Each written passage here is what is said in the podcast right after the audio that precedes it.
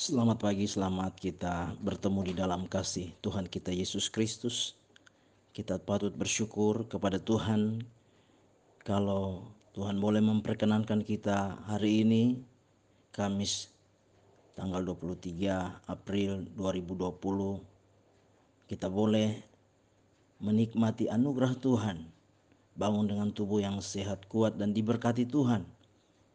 Pagi hari ini sebelum kita melaksanakan segala aktivitas kehidupan kita, bersama-sama kita akan mendengarkan firman Tuhan yang kiranya boleh menjadi bekal di sepanjang langkah kehidupan kita di sepanjang hari ini.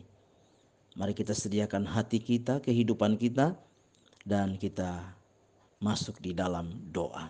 Kita berdoa.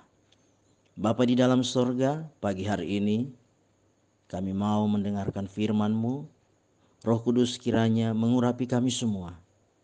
Biarlah firman yang kami dengar boleh menjadi berkat, boleh menjadi kekuatan, boleh menjadi rema di dalam setiap kehidupan kami. Kami siap mendengarkan firman-Mu. Di dalam nama Tuhan kami Yesus Kristus, kami sudah berdoa. Haleluya. Amin. Puji Tuhan, pagi hari ini saya ingin membawa renungan firman Tuhan bagi kita bersama-sama dengan tema berlomba dengan tekun. Sekali lagi tema firman Tuhan pagi hari ini berlomba dengan tekun.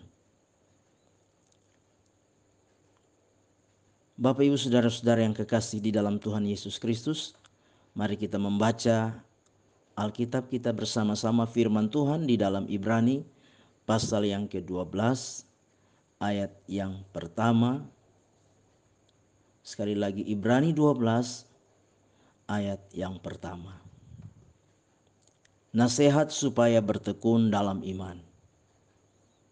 Karena kita mempunyai banyak saksi bagaikan awan yang mengelilingi kita, marilah kita menanggalkan semua beban dan dosa yang begitu merintangi kita dan berlomba dengan tekun dalam perlombaan yang diwajibkan bagi kita. Sekali lagi saya bacakan, karena kita mempunyai banyak saksi bagaikan awan yang mengelilingi kita, marilah kita menanggalkan semua beban dan dosa yang begitu merintangi kita dan berlomba dengan tekun dalam perlombaan yang diwajibkan bagi kita.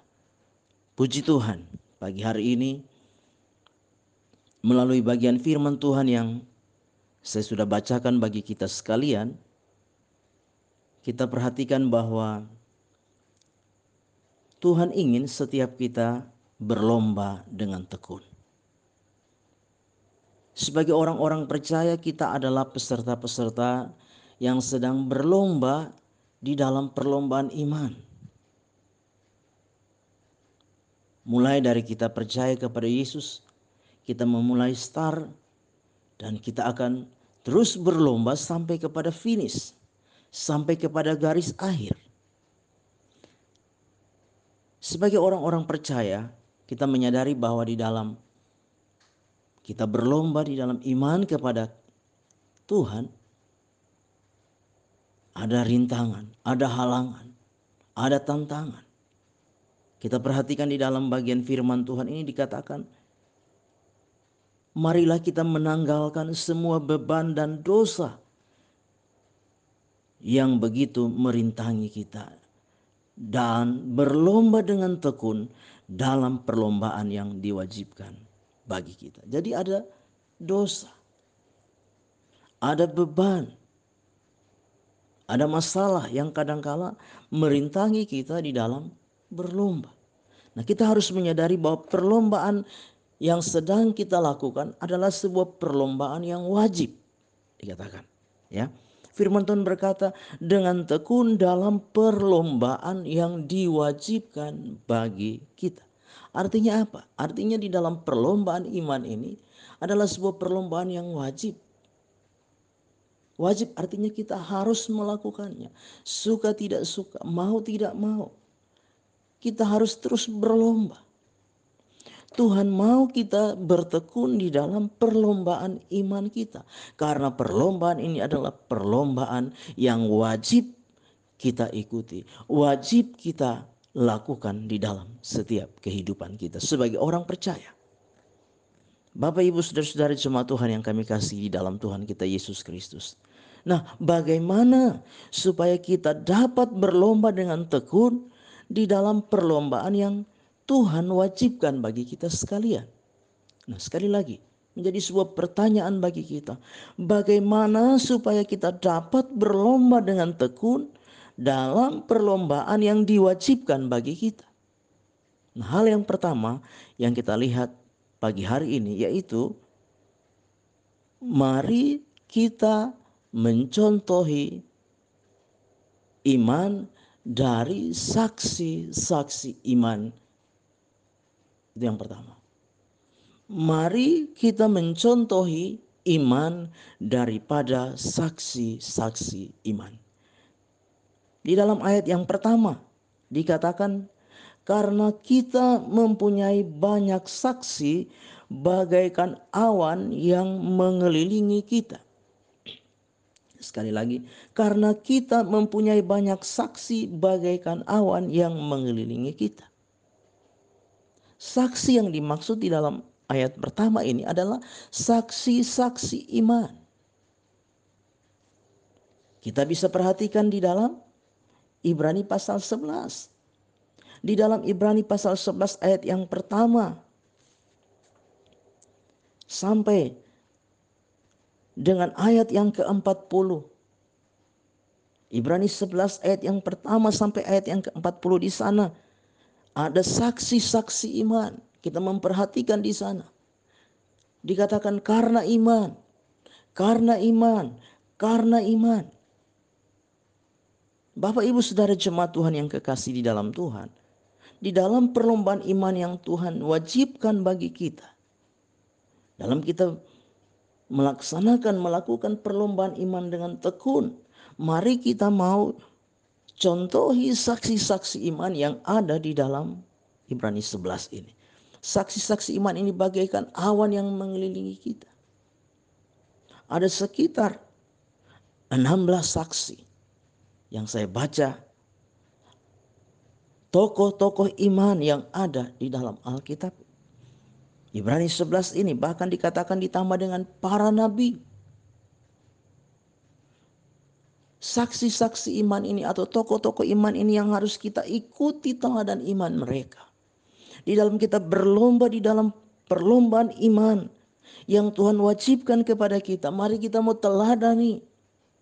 Ikuti bagaimana Tokoh-tokoh iman ini sudah melakukan pertandingan iman dengan baik. Itu yang harus kita ikuti. Walaupun kita sadar bahwa tokoh-tokoh iman atau saksi-saksi iman yang ada di dalam Ibrani 11 ini mereka mengalami banyak tantangan, mereka mengalami banyak proses, mereka mengalami banyak rintangan di dalam perjalanan iman mereka. Tapi mereka melalui semuanya itu. Mereka melakukan pertandingan iman dengan baik, dengan benar. Mereka melakukan itu sampai di garis akhir dari kehidupan mereka. Bapak ibu saudara-saudara yang kekasih di dalam Tuhan Yesus Kristus. Jemaat Tuhan yang diberkati Tuhan. Hal pertama yang kita lihat pagi hari ini teladanilah, ikutilah iman dari saksi-saksi iman, tokoh-tokoh iman yang ada di dalam Ibrani 11. Supaya apa? Supaya kita juga dapat melakukan perlombaan iman yang Tuhan wajibkan kepada setiap kita. Kita mengikuti perlombaan iman dengan baik, dengan benar. Mulai dari start awal kita ketika kita percaya kepada Kristus. Terus kita terus berlomba di dalam perlombaan iman yang Tuhan wajibkan kepada setiap kehidupan kita. Sekalipun ada masalah, sekalipun ada tantangan, sekalipun ada rintangan yang berusaha merintangi kita, mari kita mau terus berlomba di dalam perlombaan iman yang Tuhan wajibkan kepada kita. Tekun berlomba di dalam perlombaan iman yang Tuhan wajibkan kepada kita. Hal yang kedua yang kita lihat pagi hari ini. Hal yang kedua yang kita lihat pagi hari ini. di dalam ayat yang kedua sampai dengan ayat yang keempat. Ayat yang kedua sampai dengan ayat yang keempat. Dalam Ibrani pasal yang ke-12. Ayat yang kedua sampai ayat yang keempat saya simpulkan. Yaitu arahkan mata iman kita hanya kepada Yesus di dalam perlombaan iman kita. Yang kedua arahkan mata iman kita hanya kepada Yesus di dalam perlombaan iman yang Tuhan wajibkan kepada setiap kita. Kenapa kita harus mengarahkan mata kita hanya kepada Yesus di dalam perlombaan iman yang Tuhan wajibkan kepada kita? Karena apa? Dikatakan di dalam ayat firman Tuhan ini. Yesus yang akan memimpin iman kita. Bahkan dia akan membawa iman kita sampai kepada iman yang sempurna. Di dalam ayat 2, marilah kita melakukannya dengan mata yang tertuju kepada Yesus yang memimpin kita dalam iman dan yang membawa iman kita kepada kesempurnaan di dalam perlombaan iman yang Tuhan wajibkan kepada kita. Hal yang kedua, arahkan mata kita hanya kepada Yesus. Arahkan mata iman kita hanya kepada Tuhan Yesus. Sekali lagi saya katakan. Karena hanya Tuhan Yesus yang akan memimpin iman kita di dalam perlombaan ini. Bahkan dia akan membawa iman kita sampai kepada iman yang sempurna. Itulah sebabnya mari arahkan mata iman kita kepada Yesus. Di dalam perlombaan yang Tuhan wajibkan kepada setiap kita. Kita tekun berlomba. Arahkan mata iman kita kepada Yesus. Yesus yang memimpin kita di dalam iman dan membawa iman kita sampai kepada iman yang sempurna. Kenapa? Kita harus mengarahkan mata iman kita kepada Yesus. Selanjutnya dikatakan, Di dalam ayat yang ketiga, supaya kita tidak menjadi lemah dan putus asa. Ayat tiga, ingatlah selalu akan dia yang tekun menanggung bantahan yang sehebat itu terhadap dirinya dari pihak orang-orang berdosa, supaya jangan kamu menjadi lemah dan putus asa. Kita harus arahkan mata iman kita hanya kepada Yesus Kristus di dalam perlombaan iman yang Tuhan wajibkan kepada setiap kita. Supaya apa? Supaya kita tidak menjadi lemah dan putus asa. Dalam pertandingan iman, perlombaan iman yang Tuhan wajibkan kepada kita. Tidak sedikit masalah, tidak sedikit tantangan, tidak sedikit pergumulan yang kita hadapi. Tapi Tuhan mau kita arahkan mata kita kepada Dia. Kepada Yesus yang sudah mati dan bangkit buat kita. Supaya apa? Supaya kita tidak menjadi lemah dan putus asa. Supaya kita tidak mundur. Supaya kita tidak menjadi kecewa. Kita perlu menyadari bahwa masalah, persoalan, tantangan di dalam hidup kita di dalam kita berlomba di dalam iman kepada Tuhan adalah masalah masalah yang biasa. Dikatakan ayat 4, dalam pergumulan kamu melawan dosa, kamu belum sampai mencucurkan darah. Apakah pernah ketika kita menghadapi masalah, tantangan dan pergumulan sampai kita mencucurkan darah seperti Yesus? Tidak pernah.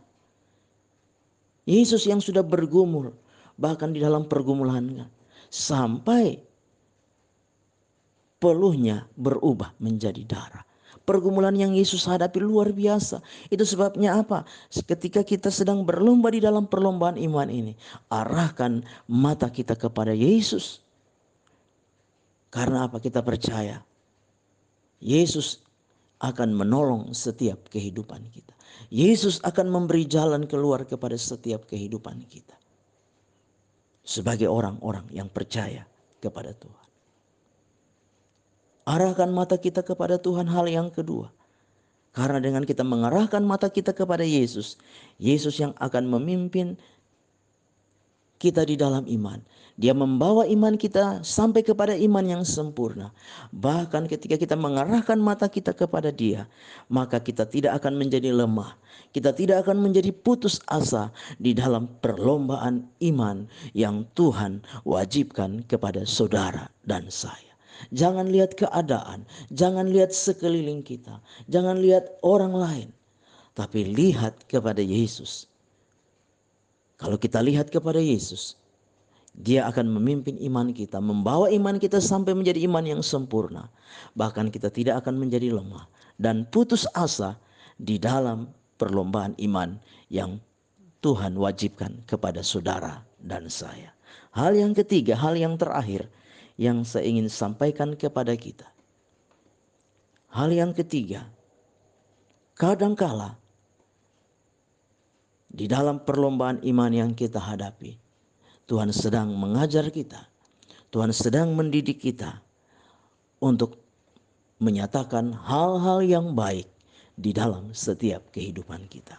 Hal yang ketiga yaitu kadangkala di tengah-tengah perlombaan iman yang Tuhan wajibkan kita lakukan. Tuhan sedang mengajar kita. Tuhan sedang mendidik kita.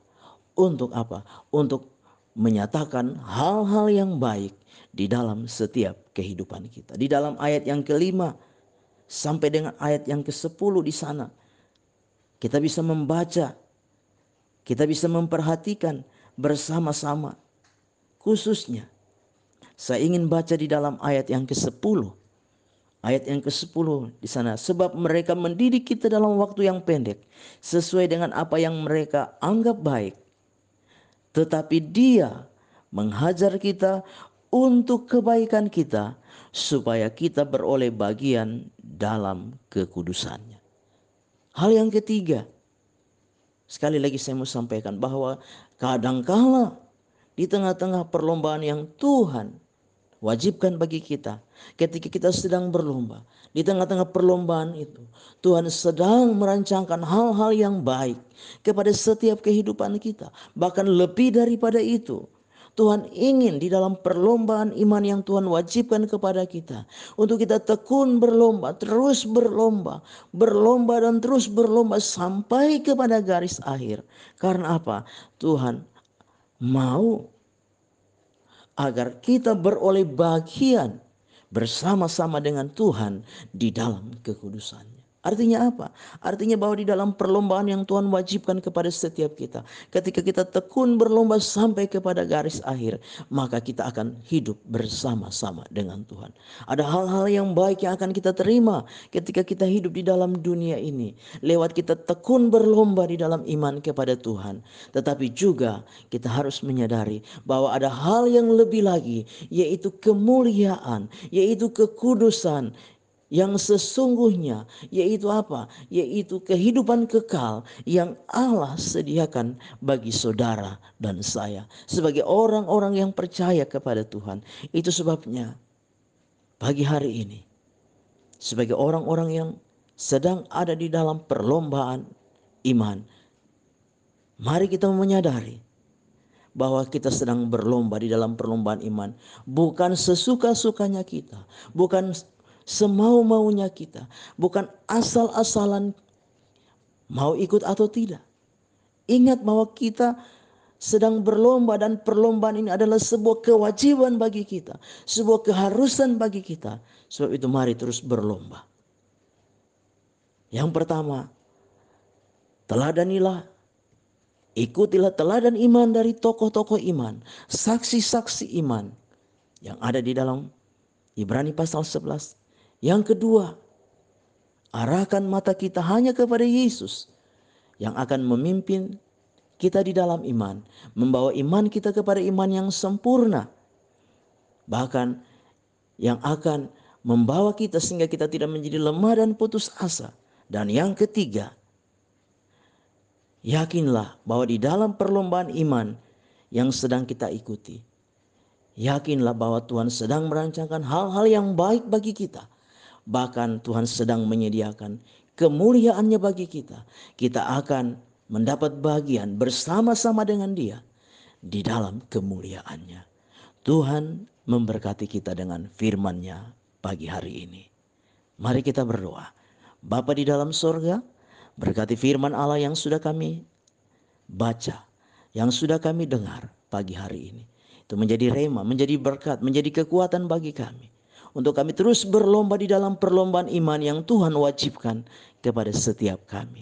Khususnya di sepanjang hari yang akan kami lalui dan lewati ini. Dari pagi, siang, bahkan sampai malam hari.